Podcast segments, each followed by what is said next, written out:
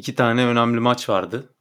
İki tane büyük maç vardı. Birincisi Trabzonspor'la Fenerbahçe arasında zirveyi de ilgilendiren bir maç. Fenerbahçe'nin mutlaka kazanması gerekiyordu. Geçen haftaki evet. Göztepe'den aldığı darbeden sonra bütün takımda olsun, camiada olsun bir olumsuz hava vardı. Hem o kara bulutları dağıtmak için hem de zirveden kopmamak için mutlaka kazanması gerekiyordu. Erol Bulut'la alakalı da baya bir eleştiri yapıldı özellikle medyada. Ben hani çok anlam veremesem de Trabzonspor tarafında da son iki ayda özellikle çok iyi bir gidişat var çok ahım şahım bir futbol oynamasa da Trabzonspor istediği sonucu alıyordu. Yani 6 maç üst üste galibiyet serisi yakalamak her takımın harcı değil. Abdullah Avcı geldiğinden beri ligin en çok puan alan takımıydı Trabzonspor. Yani Fenerbahçe karşısında kendi sahasında alınabilecek bir galibiyet tamamen ligin gidişatında değiştirebilirdi. Bence özellikle ilk yarı Fenerbahçe'nin bir üstünlüğü vardı. İlk yarının son 10-15 dakikasında Trabzonspor denk ataklarda yapsa da ikinci yarı dengeli bir oyun oldu ama sonra işte dakika 76'da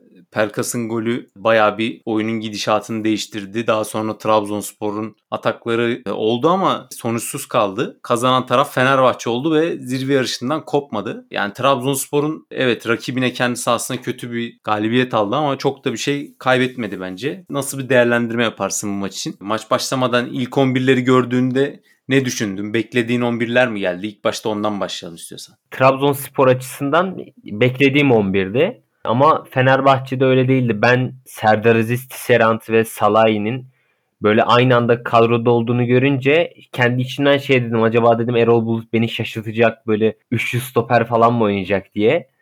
Ama yine 4-2-3-1 ile sahadaydı. O açıdan yani beni tek şaşırtan Salah'ın sol bekte olmasıydı.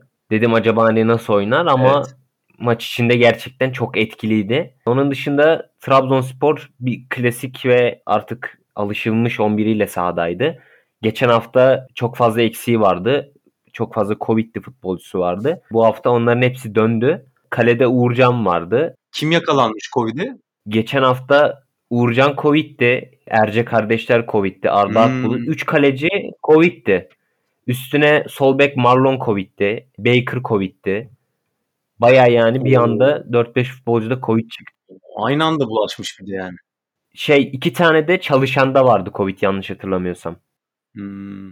Savunma dörtüsü Serkan, Edgariye, Victor Hugo, Marlon'du. Önlerindeki ikili Berat ve Flavio'ydu. 10 numarada Bakasetas, solda Vakayeme, sağda Ekuban ve forvette Canini vardı. Fenerbahçe'de kalede Altay, savunmada Gökhan Gönül bu Gökhan Gönül'ü bu maçta tercih etti. Normalde Nazım Sangare oynuyordu orada. Gökhan Gönül tercihini az çok anlayabiliyorum. Çünkü Gökhan Gönül böyle büyük maçları seven ve iyi oynayan bir futbolcu. Ve bu maçta da bence çok iyi oynadı. Gökhan Gönül stoper ikilisi Serdar Aziz Tisseran, sol bekte Salahi. Önlerinde Sosa Mert Hakan, Ozan Tufan yoktu. Ozan Tufan da Caner Erkin'le birlikte son haftalarda böyle düşüşe geçmiş isimlerden bir tanesiydi. Sağda Osayi Samuel, 10 numarada Mesut Özil, solda Pelkas ve forvette Tiam vardı. Her iki takımın da oyununu şöyle değerlendirecek olursak Fenerbahçe bence hem maçın başında hem de dakika 30'a kadar ve ikinci yarının neredeyse tamamında oyununu kabul ettirdi. Akılcı bir anlayışla rakibine üstün geldi ve bence hak ederek kazandı maçı. Fenerbahçe'de maçtan önce Caner ve Ozan'ın kadroda olmaması hatta Caner'in işte bazı tavırlarından dolayı kadro dışı bırakıldığı haberleri de vardı. Bunlar belki de Fenerbahçe'de takım içinde ortamın pek iyi olmadığını işaretti ama saha içinde çok iyi bir Fenerbahçe vardı. Trabzonspor ve Abdullah Avcı açısından bakacak olursak dikkatimi çeken şey Trabzonspor Beşiktaş maçında topu rakibine vererek ve başta Vakayeme olmak üzere hızlı hücumcularını bir an önce topla buluşturmak isteyen bir anlayışı vardı. Ama bu maçta Fenerbahçe'ye önde basarak başladı. Maç sonunda Abdullah Avcı şöyle bir açıklama yaptı. Rakibin yetenekli ayakları bize sorun çıkardı dedi. Bence şunu kastetti orada. İşte Salahi, Mesut, Sosa, Mert Hakan ve Pelkaslı kadroya önde ne kadar önde basarsan bas bu futbolcular bir şekilde o presten çıkıyor. Çünkü pasör özellikleri var. Hem hem Atilla'nın evet. hem Tisserand'ın pasör özellikleri evet. sayesinde. Evet çok kolay o ön alan presinden çok rahat çıktı. Ve belki de Berat Trabzonspor'a geldiğinden beri en çok zorlandığı ilk yarım saat oynamıştır. Abdullah Avcı bu tercihinden dolayı ki 30'dan sonra Trabzonspor rakibini biraz daha geride bekledi ve 35 30-45 arası oyuna biraz daha dengeyi getirdi. Ama Fenerbahçe ilk yarım saatte bence işi çoktan koparabilirdi. Orada da gene klasik büyük maçlarda Uğurcan'ın performansı devreye girdi. Her iki takımın da oyun oyun anlayışı kanatlara dayalıydı. Hatta Trabzonspor'un bir pozisyonda sağ kenarda Canini'nin açtığı bir ortada Vakayeme topu böyle çizgide dokunabilmişti. Orada Trabzonspor Fenerbahçe'nin merkezini çok çabuk geçti. Maçın genelinde de bunu yapması gerekiyordu Trabzonspor'un. Fenerbahçe'nin merkezinden oynaması gerekiyordu. Ama bunu yapmadı. Çünkü şöyle bir durum var. Sosa, Mert Hakan, Mesut merkez attı. Berat, Flavio ve Bakasetas üçlüsüne ikili mücadelelerde çok zayıf kalabilme olasılığı var. Ama oyun sürekli kenarlardan oynandı. Kağıt üzerinde baktığın zaman Jose Sosa, Mert Hakan Yandaş çok böyle defansif anlamda faydalanılabilir yani Trabzon spor açısından. Evet. Ama Sosa adeta Gustavo gibi oynadı yani. Aynen öyle. Ona da geleceğim. Yani oyunu sürekli kanatlardan oynadı Trabzon. Mbakeme ve Canini'nin baskınlığından dolayı. Çünkü maçın belli bir dakikasından sonra e, Canini sağ kenara geçti. Trabzonspor topu sürekli kenarlarda oynadı. Aslında merkezi kullanması gerekiyordu demin de bahsettiğim gibi. Ayrıca Fenerbahçe de sürekli kenarları kullanıyordu. Sol tarafta Salay ve Pelkas sağ tarafta Osay Samuel'i kullanarak hücum etti. Yani Trabzonspor'un merkezi kullanmaması Fenerbahçe ve Erol Bulut'un ciddi anlamda avantajına avantajına oldu. Galibiyeti getiren iki faktör vardı. Bir bence Pelkas. İki de Erol Bulut'un 4 oyuncu değişikliği yaptığı dönemde Abdullah Avcı'nın değişiklik yapmaması. Çünkü ne olursa olsun oyuna giren 4 oyuncu ciddi bir enerji yarattı. Ve yenen gole bakıldığında da Serkan pası aldı. Evet çok büyük bir hata yaptı bence Serkan. Ama Serkan orada pas atacak kimse bulamadı. Çünkü çok yorulmuştu takım. Ve ön taraftan da kimse gelmedi. Serkan da şu dikkatimi çekti bu sene. Çok genç oyuncuda var bu. Uğurcan'a dönmedi Serkan o pozisyonda. Böyle genç oyuncular aynısı Beşiktaş'ta Rıdvan Yılmaz'da da oldu. Böyle geçen sene Kayseri maçında kaleciye dönmek varken çalım attı, topu kaptırdı ve gol yemişti. Burada da aynısı oldu. Serkan Uğurcan'a geri dönmedi. Hata yaptı ve kaptırdığı top gol oldu. Evet, halbuki düşünmesi gerek çünkü evet. topu kaptırdığı anda tehlike olacak. Yani bir de opsiyonları da vardı. Bence Hı-hı. yanlış tercih yaptı orada. Serkan. Golde bir de şöyle Ferdi'nin de payını vermek lazım. Çok iyi takip etti. O yeni girdiği için o enerjisiyle çok iyi baskı yaptı. Topu aldı ve Pelkas'a verdi. Maçı da biraz oyuncu özelinde yorumlayacak olursak benim en dikkat ettiğim şey şu oldu. Maç boyunca Mesut ve Berat eşleşmesi vardı. Berat maça Mesut'u takip ederek başladı. Bazı pozisyonlarda Mesut top almak için Tisserant'a yaklaştığında Berat da onunla birlikte gittiğini gördüm. Pelkas da bunları gördüğü anda hemen Mesut'un boşalttığı yerlere girerek orada kendisine ekstra bir pozisyon yarattı. Berat'ın pozisyonunu terk ettiği anlar Trabzon için gerçekten pahalıya patladı her iki devrede de. Bir diğer dikkat çekici performansta Salah'ın ilk 25 dakikadaki bindirmeleri gerçekten çok etkileyiciydi. Ben onu bu maçta Novak'a benzettim biraz. Çünkü Novak da eski bir stoper.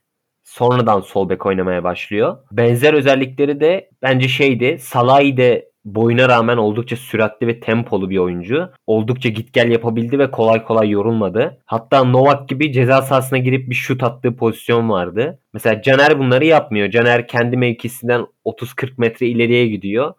Ee, oradan ceza sahası içine böyle mancılıkla taş atar gibi orta açıyor. Salah'ın Caner'den farkı ise bir de şu vardı. Caner oyun kurulumunda ileri gidiyor ve oyunun kurulum aşamasında final pasını atacak oyuncu olarak o topu tekrar ayağına istiyor. Salah ise geriden almıyor mu topu? Hayır. Çok e, izleyenler de çok dikkat etmiştir buna. Sürekli topun kendisine gelip orta açmak istiyor. Ama derinden genellikle derinden alıyor topu. Şöyle derinden alıyor ama ileri gittiği zaman tekrar kendi ayağına istiyor final pasını yapmak evet, için. Doğru. Evet, evet. Ee, orada doğru. Hı ise topu bırakıyor çünkü oyun kurulumunu kendisinden daha iyi yapacak oyuncuların olduğunu farkında ve topu kendine verdikten sonra önündeki boşluğun yaratılmasını bekliyor. Biraz da Pelkas'ın içeri girişleri ve Serkan'ın onu takip etmesiyle bir anda fırlıyor ve takımını tamamlayacak koşuyu atıyor. Bence en belirgin farkı bu Salah'ın Caner'den farkı olarak. Belki de Fenerbahçe'nin son haftalardaki en organize atağı dakika 30'da şöyle bir atak vardı. Berat Mesut'a topu aldırıyor. Mesut orada Berat'ı çok güzel uyuttu. Mesut topu alıyor. Tiam'la birlikte çok güzel bir verkaça giriyor. Berat'tan kendisini kurtardıktan sonra topu hemen Salah'ın önüne atıyor.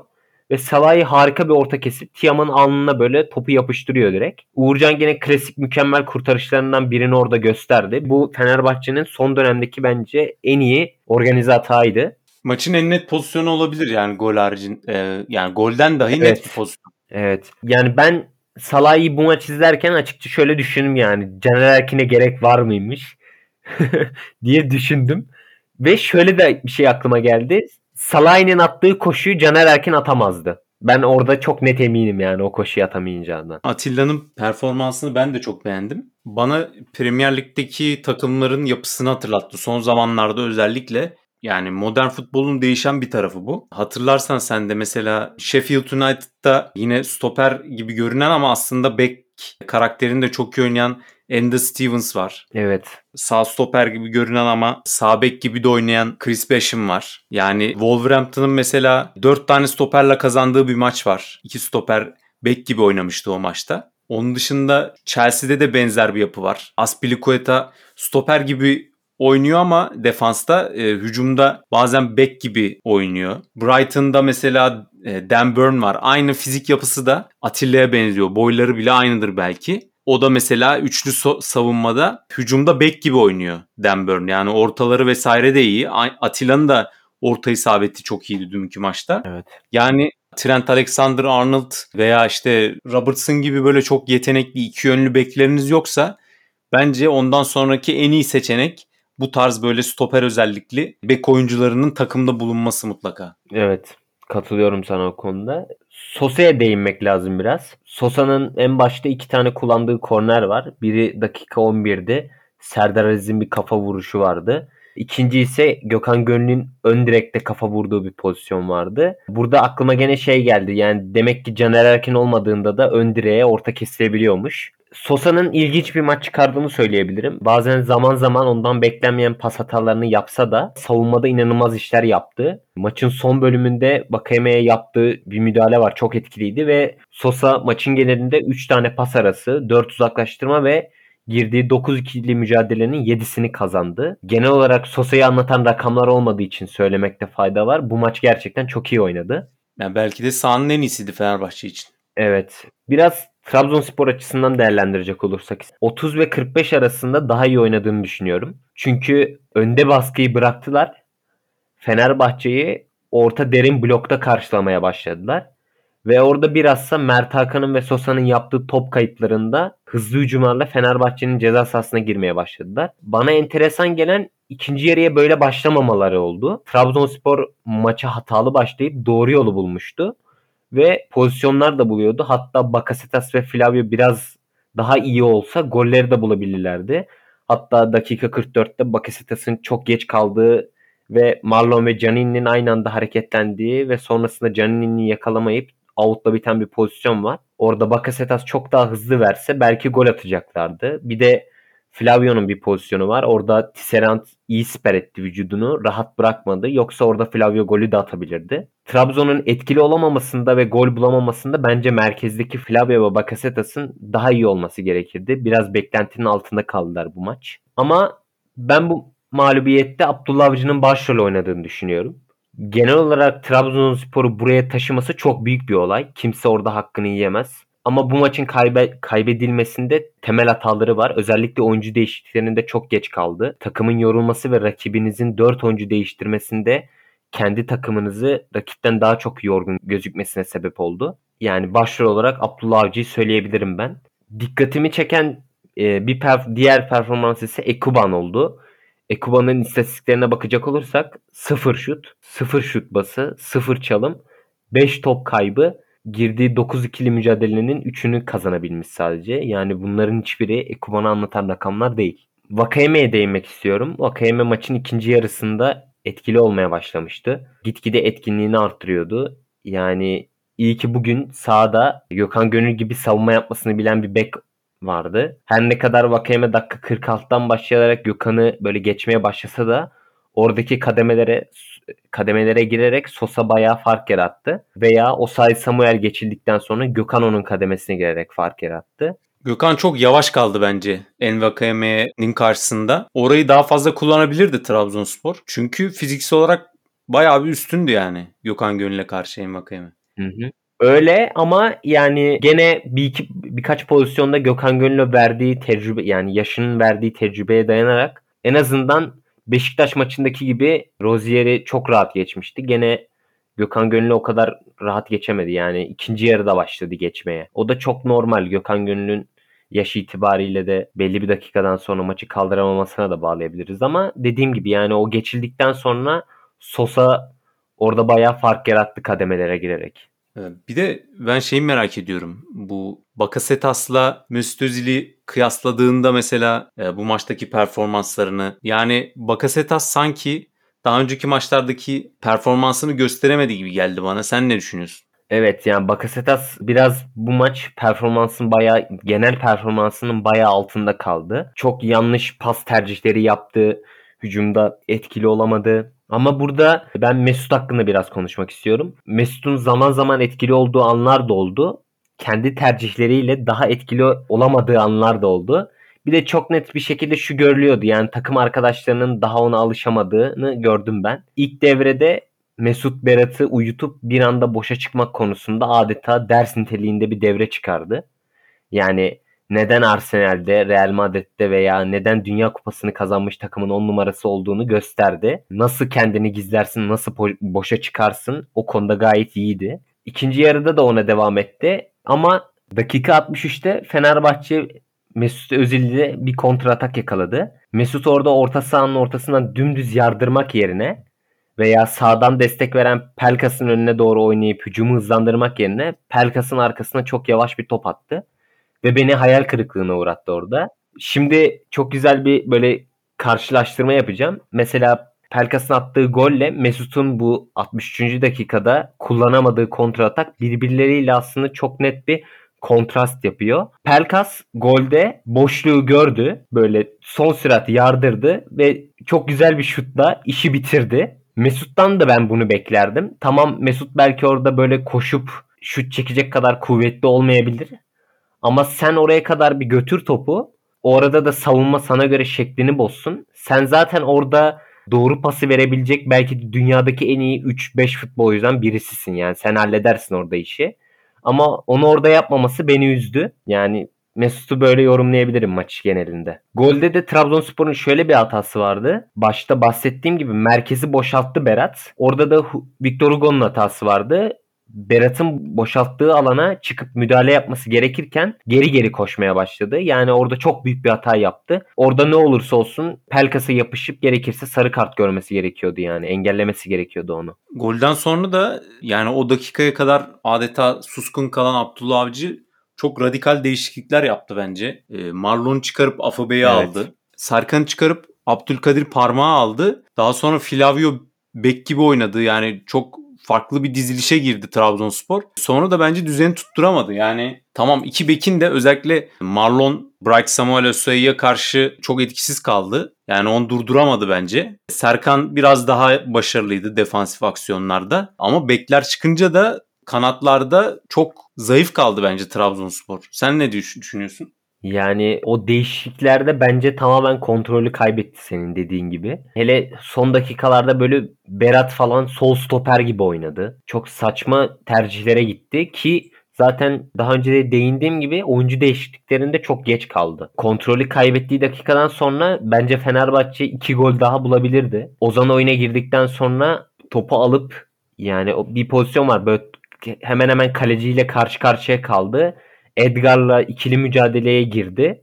Orada bir penaltı beklentisi vardı. Yani Ozan bir de yeni girdi oyuna. Orada hiç gerek yoktu ikili mücadeleye girip. Gidip atabilirdi golü. Bir de 90 artı 6'da Samatta'ya böyle 4 kişi aynı anda 4'e 1 yakaladı Trabzonspor'u. Yanlış hatırlamıyorsam Ferdi, Ozan, Valencia, Samatta 90 artı 6'da böyle 4'e 1 geldiler. Ozan Samatta'ya çıkardı. Samatta çok kötü bir vuruş yaptı falan o pozisyon zaten benim Felaket gözüme direkt zaten. bizim yaptığımız halı saha maçları geldi. Sen kaleden çıkıp maçın sonlarında gol atmaya geliyorsun ya. O takım takım çok zordaysa o. Yani takım öndeyse, öndeyse öyle bir şey yapmam. Ya benim gözüme direkt o fotoğraf geldi. Böyle senin de çıktığın böyle bir golde ben atayım diye geldiğin pozisyonlar falan. Aynı öyle bir pozisyondu o. Ya orada zaten Trabzonspor'un bütün oyuncuları ileride kalmış. Evet. Yani atması gerekiyordu orada Fenerbahçe'nin böyle. Orada tabii biraz da özgüven kaybı yaşıyor yani Samat'ta. Ona da vermek lazım da. Peki Trabzonspor'un orta saha üçlüsü Berat Flavio ve Bakasetas. Onların uyumunu nasıl buldun? Yani Bakasetas'la Flavio daha çok çift 8 gibi oynadılar. Berat e, evet. biraz geride kaldı. Ki bence Berat'ın hücuma katkı yapmaması da Trabzonspor'un hücum tarafını olumsuz etkiliyor. Yani özellikle e, golü yedikten sonra Berat biraz daha ileri çıktı. Hı hı. Belki hatırlarsın Trabzonspor Beşiktaş maçında bahsetmiştim ben. Berat'ın biraz daha fazla artık oyunun yönünü değiştiren o uzun pasları hı hı. iyi yapabilen bir oyuncu oyunun yönünü değiştiren o kilit pasları, anahtar pasları e, daha çok yapması gerekiyor demiştim hatırlarsan. Golü yedikten sonra da bunları evet. yapmaya başladı Berat. Ama çok geç kaldı. Daha öncesinde de yani adeta libero gibi oynadı. Ee, çok defansif Hı-hı. kaldı. Flavio ne hücumda bekleneni verdi ne defansta o direnci oluşturabildi. Yani sanki oraya bir daha dirençli bir oyuncu lazım gibi geldi bana. Sen ne düşünüyorsun? Ya orada zaten genel olarak ligin genelinde de Baker oynuyor. Flavio'nun yerinde. Hem işte ofansif yönü daha iyi olan bir oyuncu. Flavio'ya göre Baker.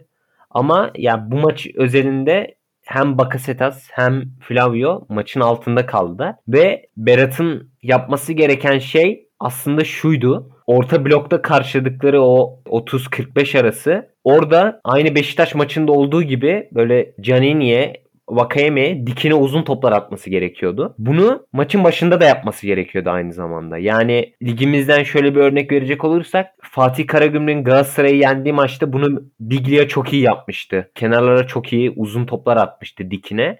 Yani onun gibi oynaması gerekiyor. Biraz daha böyle en azından şey için diyorum bunu hani örnek alması gerekiyor bu, böyle şeyleri. Çünkü yaşı da genç Berat'ın.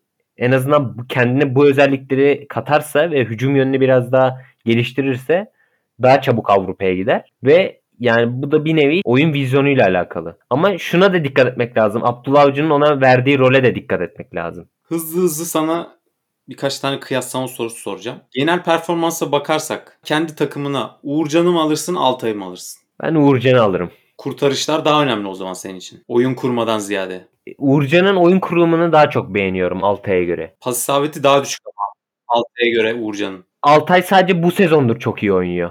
Geçen sene Altay bu kadar iyi değildi. Ama Uğurcan neredeyse 2 senedir hatta 2 seneden de yani kaleyi aldığından beri özellikle hem sezonun genelinde hem de büyük maçlarda yani ben hatırlamıyorum daha böyle bir büyük maça Uğurcan'ın damga vurmadığı bir maç hatırlamıyorum. Uğur Altay'a şöyle değinmek gerekiyor. Altay bu sene çok iyi bir çıkış yakaladı.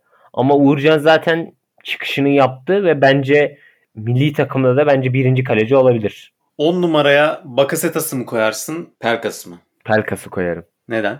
Çok sıkıştığın zaman Pelkas'ı kanatlarda da oynatabilirsin. Yani ama Bakasetas'ı kanatlarda o kadar etkili kullanamazsın. Ve ben Pelkas'ın oyun yapısını da ya yani oyun oyun yapısını daha çok beğeniyorum. Çok fazla oynadı Bakasetas da kanatlarda. Çok fazla oynadı ama Pelkas daha etkili. O çeviklik bakımından e, Pelkas önde Hı-hı. ama yani oyun kurucu olarak Bakasetas biraz daha önde gibi. Daha güçlü yani. Ya şöyle benim Pelkas'ta en sevdiğim özelliği arkadan baskı geldiğinde ona topa çok küçük dokunuşlarla böyle kendi etrafında dönerek rakibinden çok güzel kurtuluyor. Yani çeviklik açısından ve rakibinden kurtulup kendini boşa çıkarmak açısından ben çok beğeniyorum o özelliklerini Pelkas'ın. Bir de şu özelliği de var. Duran topa çalışılırsa hemen hemen herkes vurabilir bence duran topa. Önemli olan hareketli topa dribbling yaparken şut çekebilme. Pelkas o işi de çok iyi yapıyor. Golde de görüldüğü gibi. Yani dribbling yaparken bir anda o topa vurması Fenerbahçe'de İrfancan iyileşecek. İrfancan iyileştikten sonra orta sahaya ne olur? Yani Ozan yedek mi kalır? Pelkas Kanada çekilecek gibi görünüyor. Evet. Orta saha ikilisi sence kimler olur? Yani Gustavo tabii ki banko koyuyoruz ama Gustavo'nun yanında kim evet. olur? İrfan Can mı olur? Şöyle eğer Ozan Tufan kendini toparlarsa ve geçen seneki gibi o defansif görevlerini yerine tamamen getirirse bence Ozan Tufan oynar. Çünkü Mesut Özil ile oynadığınız zaman Ya bir nevi bir kişi eksik savunma yapıyorsunuz. Ama Ozan Tufan böyle oynamaya devam ederse İrfan Can Kahveci formayı alır. Çünkü Abdullah Avcı'nın İrfan Can Kahveci'ye kazandırdığı en büyük özellik oyunu iki yönlü oynaması. Yani box to box orta saha şeklinde oynamasıydı. Yani bunu Abdullah Avcı İrfan Can Kahveci'ye çok iyi alıştırdı bu rolü. Ozan Tufan böyle kötü oynamaya devam ederse Gustavo'nun yanına İrfan Can yazılır kadroda. Yani bu hafta içi sanki hani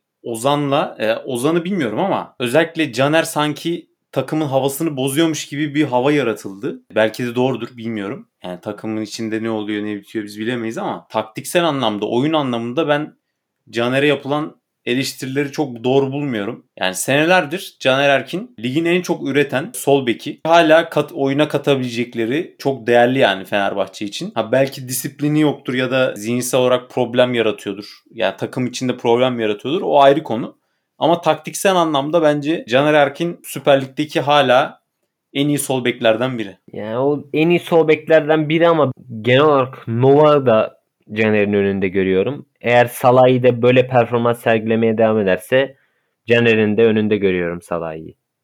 O zaman yavaştan ada futboluna geçelim. Aynı gün İngiltere'de Chelsea Manchester United maçı vardı. İlk dördü etkileyecek bir maçtı. Her iki takımın da eksikleri vardı bence oyuncu anlamında. Özellikle Manchester United'ın. Chelsea'nin ise en büyük eksikliği savunmadaki Thiago Silva'ydı. Manchester United'da çok fazla eksik vardı ve bence Manchester United maçı çıkabilecek, çıkılabilecek en iyi 11 ile çıktı. Çok fazla pozisyon yani her iki takım da biraz çekingen oynadı bence. Maçta zaten 0-0 bitti. Teknik direktör değişikliğinden sonra bir çıkış yakaladı Chelsea. Son haftalarda da galibiyetler geliyordu. Manchester United bence bu sene Manchester United'ın ilk dörtte olacağını ben tahmin etmiyordum. Yani özellikle ikinci sırada olacağını ben tahmin etmiyordum.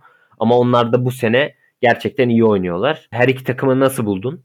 Yani Manchester United'ın eksikleri vardı dediğin gibi ama aslında Cavani ve Pogba haricinde direkt ilk 11'de yer alacak da çok fazla da eksiği yoktu. McTominay'in bir sakatlığı vardı hafta içinde ama maçta oynadı. Şimdi bir de Chelsea ile Manchester United arasındaki maçlar da hani normalde farklı şehirlerin takımı ama mesela Türkiye'de şey vardır ya hani Anadolu takımlarıyla İstanbul takımları arasında bir rekabet vardır ya ona benzer İngiltere'de de kuzey şehirleriyle güney şehirler arasında bir rekabet var. Manchester'da kuzeyde. Dolayısıyla Chelsea ile Manchester United maçları da rekabet anlamında derbi havasında geçer hep. Tabi seyirciler olmadığı için hani o havayı hissedemedik ama maçtan önce ilk 11'ler açıklandı. Chelsea'nin ilk 11'inde geçen haftaya göre bayağı değişiklik vardı. Dediğin gibi Thiago Silva'nın sakatlığı vardı. Yerine Zuma oynar diye bekliyordum. Ama Tuchel'in yani Chelsea'nin başına geldiğinden beri kendine has oyuncu tercihleri var. Tuhel'den önce yedek kalan Rudiger Tuhel'in takım başına geçtirmesinden sonra banko adam oldu. Bu şekilde yani bunun gibi başına talih kuşu konan oyunculardan biri de Christensen. Thiago Silva'nın yerine de tercih Christensen oldu. Onun dışında Hakim Ziyech uzun süredir yedekti. Yani ilk 11'de başlamıyordu. Sonradan oyuna giriyordu. Onu da Tuhel'in sürprizlerinden sayabiliriz. Yani Werner'i yedek bırakmayı tercih etti. Mason Mount'u orta sahadan ön tarafa aldı. Jorginho yerine Kante'yi tercih etti. E, bunun en büyük sebebi bana kalırsa Manchester United'ın özellikle büyük maçlarda sergilediği kontra tehdidi. Yani Jorginho yaratıcılık anlamında Kante'den daha üstün ama defansif anlamda biraz kibar kalıyor. Yani Kante'ye göre. Bir de Bruno Fernandes faktörü var. Onu sürekli tutabilecek bir oyuncu lazım. Onu düşünerek ben Kante'yi tercih etti diye tahmin ediyorum. Manchester United tarafında Martial'in yerine Daniel James başladı. Daniel James'in özellikle 9-0'lık Southampton maçıyla başlayan bir form yükselişi var. Solskjaer'ın da bu herhalde bu formu düşünerek biraz Daniel James'i tercih etti. Bir de Tuchel geldiğinden beri sol kanat beki olarak Marcos Alonso oynuyor. Şimdi Marcos Alonso defansif anlamda başarılı bir oyuncu ama Daniel James'in çevikliği ve hızıyla boy ölçüşmesi zor bir oyuncu. Dolayısıyla Daniel James orada Marcos Alonso'ya karşı Chelsea savunmasına zor anlar yaşatabilirdi. Ama Tuchel'de az tilki çıkmadı bu konuda. O da Marcos Alonso'nun yerine fiziksel özellikleri benzer ayarda olan Ben Chilwell'i tercih etti. Chelsea 3-4-2-1 dizilişiyle sahaya çıktı. Savunma üçlüsü sağda Aspilicueta, ortada Christensen ve stoperde Rüdiger, kalede Mendy. Orta sağ dörtlüsü Chilwell, solda, sol kanat beki olarak. Orta sahanın ortasında Kovacic ve Kante, çift pivot. Sağ kanat beki Hudson Odoi. Giroud en uçta. Giroud'un arkasında da Ziye ve Mount. Mason Mount ve Hakim Ziye zaman zaman tabii yer değiştirdiler. Manchester United'da da alıştığımız 4-2-3-1 dizilişiyle sahaya çıktı. Sağ bekte Van Bissaka, stoper ikilisi Lindelöf ile Maguire, sol bekte Luke Shaw, e, orta sahadaki ikili McTominay ile Fred, 10 numara pozisyonunda Bruno Fernandes alışık olduğumuz. Daniel James solda başladı ama sağ tarafa da geçti. Diğer kanatta da Mason Greenwood yazıldı ama Mason Greenwood da daha çok merkez forvet gibi oynadı. E, Rashford da öyle. Bu üçü Daniel James,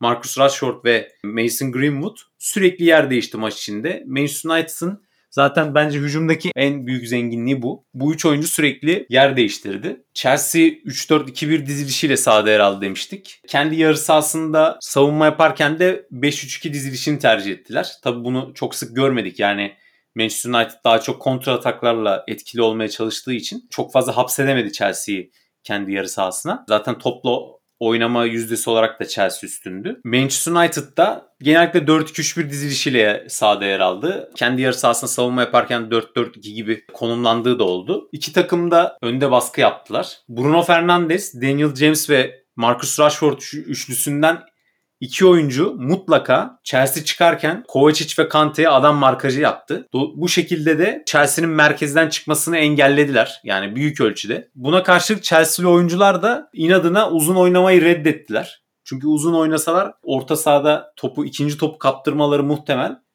Onlar da pasta çıkmayı denediler. Çoğunlukla da başarılı oldular. Tabii topu kaptırıp kalelerinde pozisyon gördükleri zaman da oldu ama çok fazla uzun oynamadılar onlar da. Tabii Manchester United bu baskıyı yaparken ve merkezdeki oyuncuları tutarken mecburen bir oyuncuyu boş bırakıyordu. Bu da genellikle Rüdiger oluyordu. Rüdiger bayağı zaman ve alan buldu yani topla. Hatta hatırlarsan ilk dakikalarda bir 50-60 metre top sürdü. 4-5 oyuncuyu geçti. Ronaldinho vari hareketler yaptı. Evet. İkinci yarı bir daha benzer bir çıkışı var. Oyunun yönünü değiştiren çok güzel pasları vardı. Ben Rüdiger'in performansını beğendim bu maçta. Hudson Odoi'yu birkaç kez topla buluşturdu. Ve şöyle bir şey var. Frank Lampard neredeyse Rüdiger'i hiç denememişti. Evet. Ya Frank Lampard'ın tercihi Zuma oluyordu genelde. Evet. Manchester United oyun kurarken de özellikle Bruno Fernandes'in top almak için derine geldiğini gördük. Bu sayede sayısal üstünlüğü Chelsea baskı yaparken yakalayamadı Manchester United'a karşı. Mesela aynı yardımı Mason Mount'la Hakim Ziyech verse gerideki Chelsea oyuncularına Chelsea merkezden daha da rahat çıkma imkanı bulabilirdi. İki takım da önde bastı dedik. Chelsea önde basmadığı zaman Manchester oyun kurarken McTominay sağ stoper gibi Lindelöf'ün yanına geçiyor ve oyunu o şekilde kuruyorlar. Tabi bunu yapmanın asıl amacı da Van Bissaka'yı öne çıkarmak. Rüdiger'in oyunun yönünü değiştiren paslarından bahsettik. Maçın en net pozisyonu da dakika 35'te Rüdiger'le başladı. Rüdiger oyunun yönünü değiştirerek sağ kanatta çizgiye yakın bekleyen Callum Hudson-Odoi'yi gördü. Ki ilk yarı özellikle Callum Hudson-Odoi'yi ben beğendim. Yani kendini iyi unutturdu sağ tarafta. Hudson-Odoi'nin ortasında Ciro topu çok az bir farkla ıskaladı. Yani 6 pasın önünde kafasına gelse zaten o direkt gol diye düşünüyorum ben. İki takım da ilk yarı özellikle hücumda üretken olmakta zorlandı. Yani birbirine tam anlamıyla üstünlüğü kuramadı. Topla oynama üzeri de birbirine yakındı zaten ilk yarı. Yani Chelsea %52 ile oynadı. En etkisiz oyuncularından biri özellikle Chelsea'de de Hakim Ziyech'ti. E, ikinci yarı toparladı tabii. İkinci yarının başında Hudson Odoi yerini Reece James'e bıraktı. Yani şimdi mesela daha önce bahsettik. Kendini iyi unutturuyordu. Bir atak tehdidiydi ilk yarı. Hani ben ilk başta neden hani taktiksel olarak böyle bir değişikliğe gittiğini anlayamamıştım Tuel'in. Sonra kamera yedek kulübesini gösterince baktım e, Hudson Oda'yı bandajlarla duruyor bacağında. Demek ki zorunlu olarak yapılmış yani onu anladık. E, çünkü Hudson Oda'yı ikinci yarıda bence tehdit olmaya adaydı yani. Tabi bir yandan da Reece James'in girmesi özellikle sol taraftan daha çok gelen bir United vardı. Onu biraz durdurdu. Yani Reece James'in defansif katkısı. İki teknik adam da ama ikinci yarıda da ilk yarıya benzer oyun anlayışıyla oynadı. Son hani bölümleri saymazsak çok fazla risk almayı düşünmediler. İkinci yarıda Hakim Ziye ve Ben Chilver çok iyi toparladı. Özellikle Ben Chilver hem savunmada hem hücumda iyi işler yaptı. Hakim Ziyet de dakika 49'da sol kanattan Chilver'le gelen tehlikeli bir atak var. Kayda değer. Orada Ziye'nin şutunu Deha'ya iyi çıkardı. Ters ayakta yakalanmasına rağmen. Sonra dönen top Rhys James'e geldi. Onu da defans blokladı. O pozisyonda işte Van Bissaka'nın ileride kalışı çok büyük bir rol oynadı. Yani Chelsea'nin bu tehlikeyi bulmasında. Bu sayede yani Chilwell'e çok boş alan kaldı. İkinci yarıda baskın olan taraf kesinlikle Chelsea'ydi. İlk 10 dakika mesela %82 toplu oynama yüzdesi yakaladılar. Dakika 59'da Manchester United'ın bir kontra hata var. E, maçın en net pozisyonlarından biri Manchester United adına. E, Chelsea 3'e 3 yakalıyor. Bruno Fernandes sol taraftaki Marcus Rashford'u iyi pas atabilse çok ciddi bir şans yakalayabilirlerdi. Yani bu maçta Bruno Fernandes pas isabeti anlamında kendi standardının altında kaldı diyebilirim. Bu dakika 59'dan dakika 65'e kadar çok kısa bir süre Chelsea kalesini ablukaya aldığı bir sekans vardı. Onun dışında Manchester United'ın çok fazla atağını görmedik. Dakika 63'te Mason Mount'un Ziyeh'le bir verkaçı var. Fred'den o şekilde çok iyi sıyrıldı. E, ceza sahasına girdi. Şutu defanstan döndü. İkinci yarı Fred ve Mount eşleşmesi o anlamda dikkat çekti değişiklikler yani özellikle sol şair çok fazla değişiklik yapmayı tercih etmedi. Tek, bir tek Martial'i aldı değişiklik anlamında Mason Greenwood'un yerine. Tuchel bütün değişiklik haklarını kullandı. Dakika 65'te Ciro çıktı, Pulisic girdi. Özellikle Pulisic girdikten sonra öndeki üçlü daha da akışkan oldu. Daha öncesinde Hakim Ziyeh ile Mason Mount yer değiştiriyordu.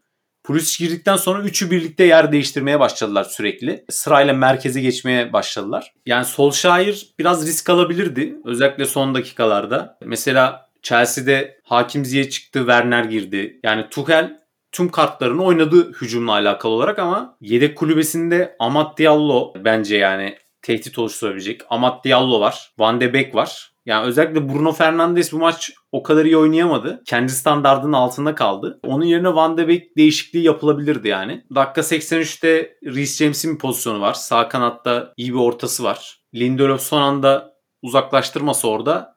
Arkada Werner direkt bekliyordu yani arka direkte. Son dakikalarda Manchester United'ın yine ciddi bir kontrol hata vardı. Chelsea frikik kullandı öncesinde. Top isabetsiz gitti. Topu kapan Van Bissaka Fred'e oynadı. Fred sağ kanatta koşu yapan McTominay'i gördü. McTominay orada iyi pas verebilse ceza sahasında tam iki oyuncu boş.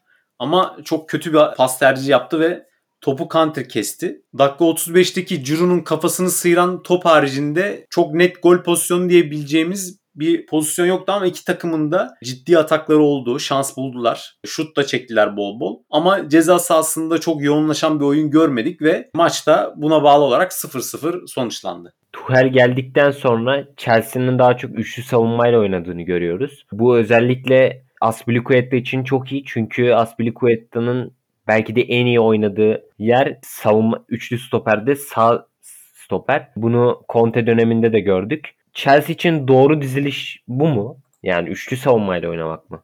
Yani doğru dizilişten ziyade şu anda bence bir balayı yaşıyorlar Tuchel'le. Yani Solskjaer'ın ilk geldiği zamanları da hatırlarsan Manchester United'da üst üste galibiyetler almıştı. Takım dolu düzgün gidiyordu. Chelsea'de de öyle bir durum var. Hani ileride ne olur belli olmaz ama oyuncu zenginliği bakımından yani birçok dizilişi çok verimli bir şekilde ve etkili oynayabilecek oyuncuları var. 3-4-2-1 olur, 4-2-3-1 olur, 4-3-3 olur. Birçok sisteme uyumlu oyuncusu var Chelsea'nin. Dolayısıyla rakibe göre değişecektir diye düşünüyorum ben. Chelsea'de son maçlarına baktığımızda Forvetlerde sürekli bir değişim görüyoruz. İşte Atletico Madrid maçında olsun Giroud Werner çift forvet. Bunda Giroud tek forvet. Zaman zaman Tammy Abraham oynadı. Chelsea için birinci forvet kim? Yani oynadıkları oyunu hangi forvette daha iyi oynayabilirler? Yani Tammy Abraham'ın iyi gününde Tammy Abraham olabilir ama şu anda ben benim tercihim Ciro olur. Sen ne düşünüyorsun? Ben de Ciro'yu kullanırım. Çünkü Timo Werner hala Bundesliga'da oynadığını zannediyor.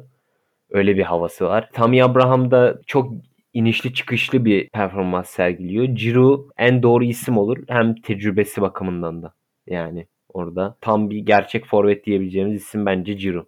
Bu sezon zaman zaman kötü performans sergileyip eleştiri alan Kante'nin bu maçtaki performansını nasıl buldun? Ya Kante'nin herhalde uzun yıllardır en kötü formunun olduğu sezon bu sezondur. Ki bu haliyle bile e, hala çok üst düzey bir oyuncu. Yani bu geçici bir dönemden geçiyor olabilir muhtemelen. Yani hala defansif anlamda orta sahanın direncini oluşturmak için Chelsea için en iyi seçeneklerden biri ki bu maçta da yani hücuma tabii katkı veremedi çok fazla ama daha önemli görevleri vardı. Bruno Fernandes'i tutmak gibi.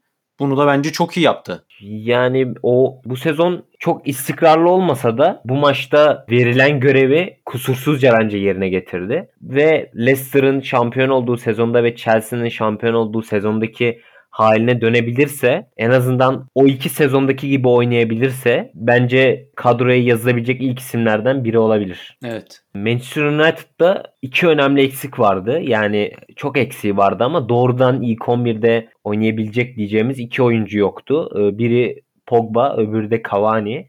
Bu ikisinin yokluğu takımı nasıl etkiledi? Cavani'nin de çok böyle pik yapamadı performansı. O yüzden Cavani'nin eksikliği çok hissedildi diyemeyeceğim. Mason Greenwood eğer biraz daha etkili olabilseydi hücumda yani Cavani'yi aramazdı bence. Ama Mason Greenwood da çok ileride etkili olamadı. Belki Cavani sonradan girip oyunun kaderini değiştirebilirdi o anlamda. Pogba da yaratıcılık anlamında bir eksiklik yaratmış olabilir ama e, McTominay ile Fred defansta çok sağlam durdu. Chelsea'ye merkezden çıkma imkanı vermediler neredeyse. Hatta ikinci yarı Fred'in bir uzaktan şutu da var. Böyle az farklı dışarı çıkan. Yani iyi kötü atakta da etkili olmaya çalıştı. O yüzden Pogba'yı çok aramadı yani United bu anlamda. Bence Manchester United'da takımın en kötüsü Daniel James'ti. Yani ofansif anlamda da defansif anlamda da pek fazla bir şey yapamadı. Daniel James'in genel performansını ve Daniel James Manchester United'a ilk transfer olduğunda bence çok etkili işler yapmıştı. O eski günlerine dönebilir mi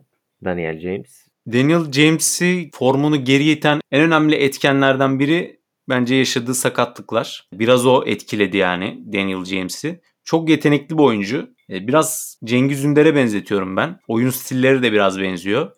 Yani defansif katkısı onun da çok fazla yok ama hücumda çok etkili bir silah. Ve çok çevik bir oyuncu. Yani her her rakibin kilidini açabilecek özellikleri var. Donanımları mevcut kendisinde. Bu maçta da etkili ortaları vardı birkaç tane. İyi çabaladı bence. Manchester United genel olarak hücumda çok etkili olamadığı için yani o vasatlıkta o ortalamanın üstünde kaldı hücum anlamında Daniel James. İstikrarlı oynarsa da formu yükselebilir. Benim beğendiğim bu oyuncu oyun stilini. Sezon başında Manchester United Alex Teles'i transfer etti sol beke ve o transfer olduktan sonra Luke Shaw her maç üstüne koyarak ve özellikle son dönemlerde de çok iyi oynamaya başladı. Luke Shaw böyle devam ederse e, sen Alex Telles'in oynama şansını nasıl görüyorsun? Düşük görüyorum yani. Çok zor. Alex Telles hücum katkısıyla ön plana çıkan bir oyuncu. Ama özellikle bu sezonda Luke Shaw'un da hiç aşağı kalır yanı yok hücum anlamında. Premier Lig'in hücumda en çok katkı veren sol beklerinden biri. Üstelik duran top tehdidi de var. Yani Alex Telles'te de var o tehdit ama o anlamda Alex Telles'i yakaladı. E, bir de Alex Telles'in defanstaki zaaflarını düşünürsek ben dışarıdan bakan biri olarak Alex Telles'i tamamen topun bana kalacağı, çok ciddi kontrol atak tehdidi olmayan takımlara karşı Alex Telles'i kullanabilirim ama ağırlıkla kullanacağım oyuncu Luke Shaw olur. Alex Telles'in o defanstaki zaaflarını düşünürsek senin dediğin gibi de ben de Luke Shaw'u tercih ederim. Ki çünkü ofansif anlamda yavaş yavaş Alex Telles'i yakaladı. Hatta belki de önüne geçti ama e, Alex Telles'te olmayan o defansif özelliği Luke Shaw'da bence yeterince var. Evet. Son olarak e, iki takımın geleceği hakkında ne düşünüyorsun? Ve şöyle de bir özel sorun var. İlerleyen dönemde Tuhel Premier Lig'de bir Jurgen Klopp etkisi yaratır mı? Yani sondan başlayayım. Onu bilemeyiz. Çok farklı bir teknik adam olduğu ortada. Yani metodolojik olarak. Oyunculara yaklaşım olsun, e, oyun anlayışı olsun, taktiksel tercihleri olsun. Farklı bir yerde olduğu ortada ama kulübün da yani son 2 seneye kadar, 3 seneye kadar yaratabileceği etkiyi bence insanlar tam göremiyordu yani. Son 2-3 senede kulübün potansiyeli anlaşıldı. Dolayısıyla biraz beklemek lazım. Yani dediğim gibi şu anda hala bir balayı süreci devam ediyor Chelsea ile alakalı. Şu an herkes motive Chelsea'de. Zaman geçtikten sonra bir de böyle mağlubiyet aldıktan sonra hani hani zor zamanda belli olur bazı şeyler diye bir laf vardır ya. Hani o zaman evet. göreceğiz nasıl tepki verecek Tuchel. Mesela e, geçen hafta Hatırlarsan Everton'ın e, Ancelotti'nin takımın kötü gidişatına tepkilerinden bahsettik. Yani taktiksel anlayışta sürekli adapte ediyor takımı. Tuchel bunu yapabilecek mi? Şu anda işler iyi gidiyor ama işleri gitmediği zaman takımı adapte edebilecek mi? E, yoğun fikstürden nasıl or- e, kalkabilecek? Yani bir yaz kampı geçirecek takımla oradan takım nasıl çıkacak? Onları görmek lazım bunu demek için. E, ligin gidişatı açısından da bu maç yani tabii ki Manchester United kazanmak isterdi ama Chelsea'yi kendine yaklaştırmamak açısından değerli bir puan aldı. Çünkü Leicester ve West Ham'ın da bu hafta puan kaybettiğini düşünürsek yani hem Leicester hem West Ham mağlup oldu. Dolayısıyla Manchester United'ın çok fazla bir kaybı yok. Şu açıdan kaybı var. Manchester City'den uzaklaştı. Yani şu anda 12 puan fark oldu. Ama çok da yakalayacak gibi de durmuyordu zaten. Hem Chelsea'nin hızını kesti hem de Leicester ve West Ham arasındaki puan farkı azalmadığı için biraz şanslıydı. Şu anda Chelsea, Leicester ve West Ham'ı tehdit etmekle beraber şu anda Manchester United'ın yeri nispeten daha rahat gibi duruyor. Sen ne dersin? Değişiklik olur mu önümüzdeki haftalarda? Ya da nasıl bir çıkış bekliyorsun? Leicester ve West Ham form düşüşü yaşar mı? Ne diyorsun? Yani Manchester City'nin böyle gideceğini düşünüyorum ben. Onların hakkını yememek lazım. Şöyle şu an şampi yani hani gazetelerde gazetelerde hani başka şu anda şampi 3 nokta diye. Şu anda Manchester, Manchester City evet. şampi yani. Aynen. Ama ben ilerleyen dönemlerde Leicester'ın ve West Ham'ın puan kaybı yaşayacağını düşünüyorum. Çünkü Manchester United ve Chelsea'ye göre kadroları biraz daha kısıtlı diyelim. Ben o iki takımın puan kaybı yaşayacağını düşünüyorum. Chelsea belki yaşanılan puan kayıplarına bağlı olarak bir veya iki sıra daha yukarı çıkabilir. Ama Manchester United bence ligi iki, ikinci tamamlayacak. Hmm. Leicester'dan kadro zenginliği açısından daha avantajlı denebilir. Yani dediğin çıkabilir.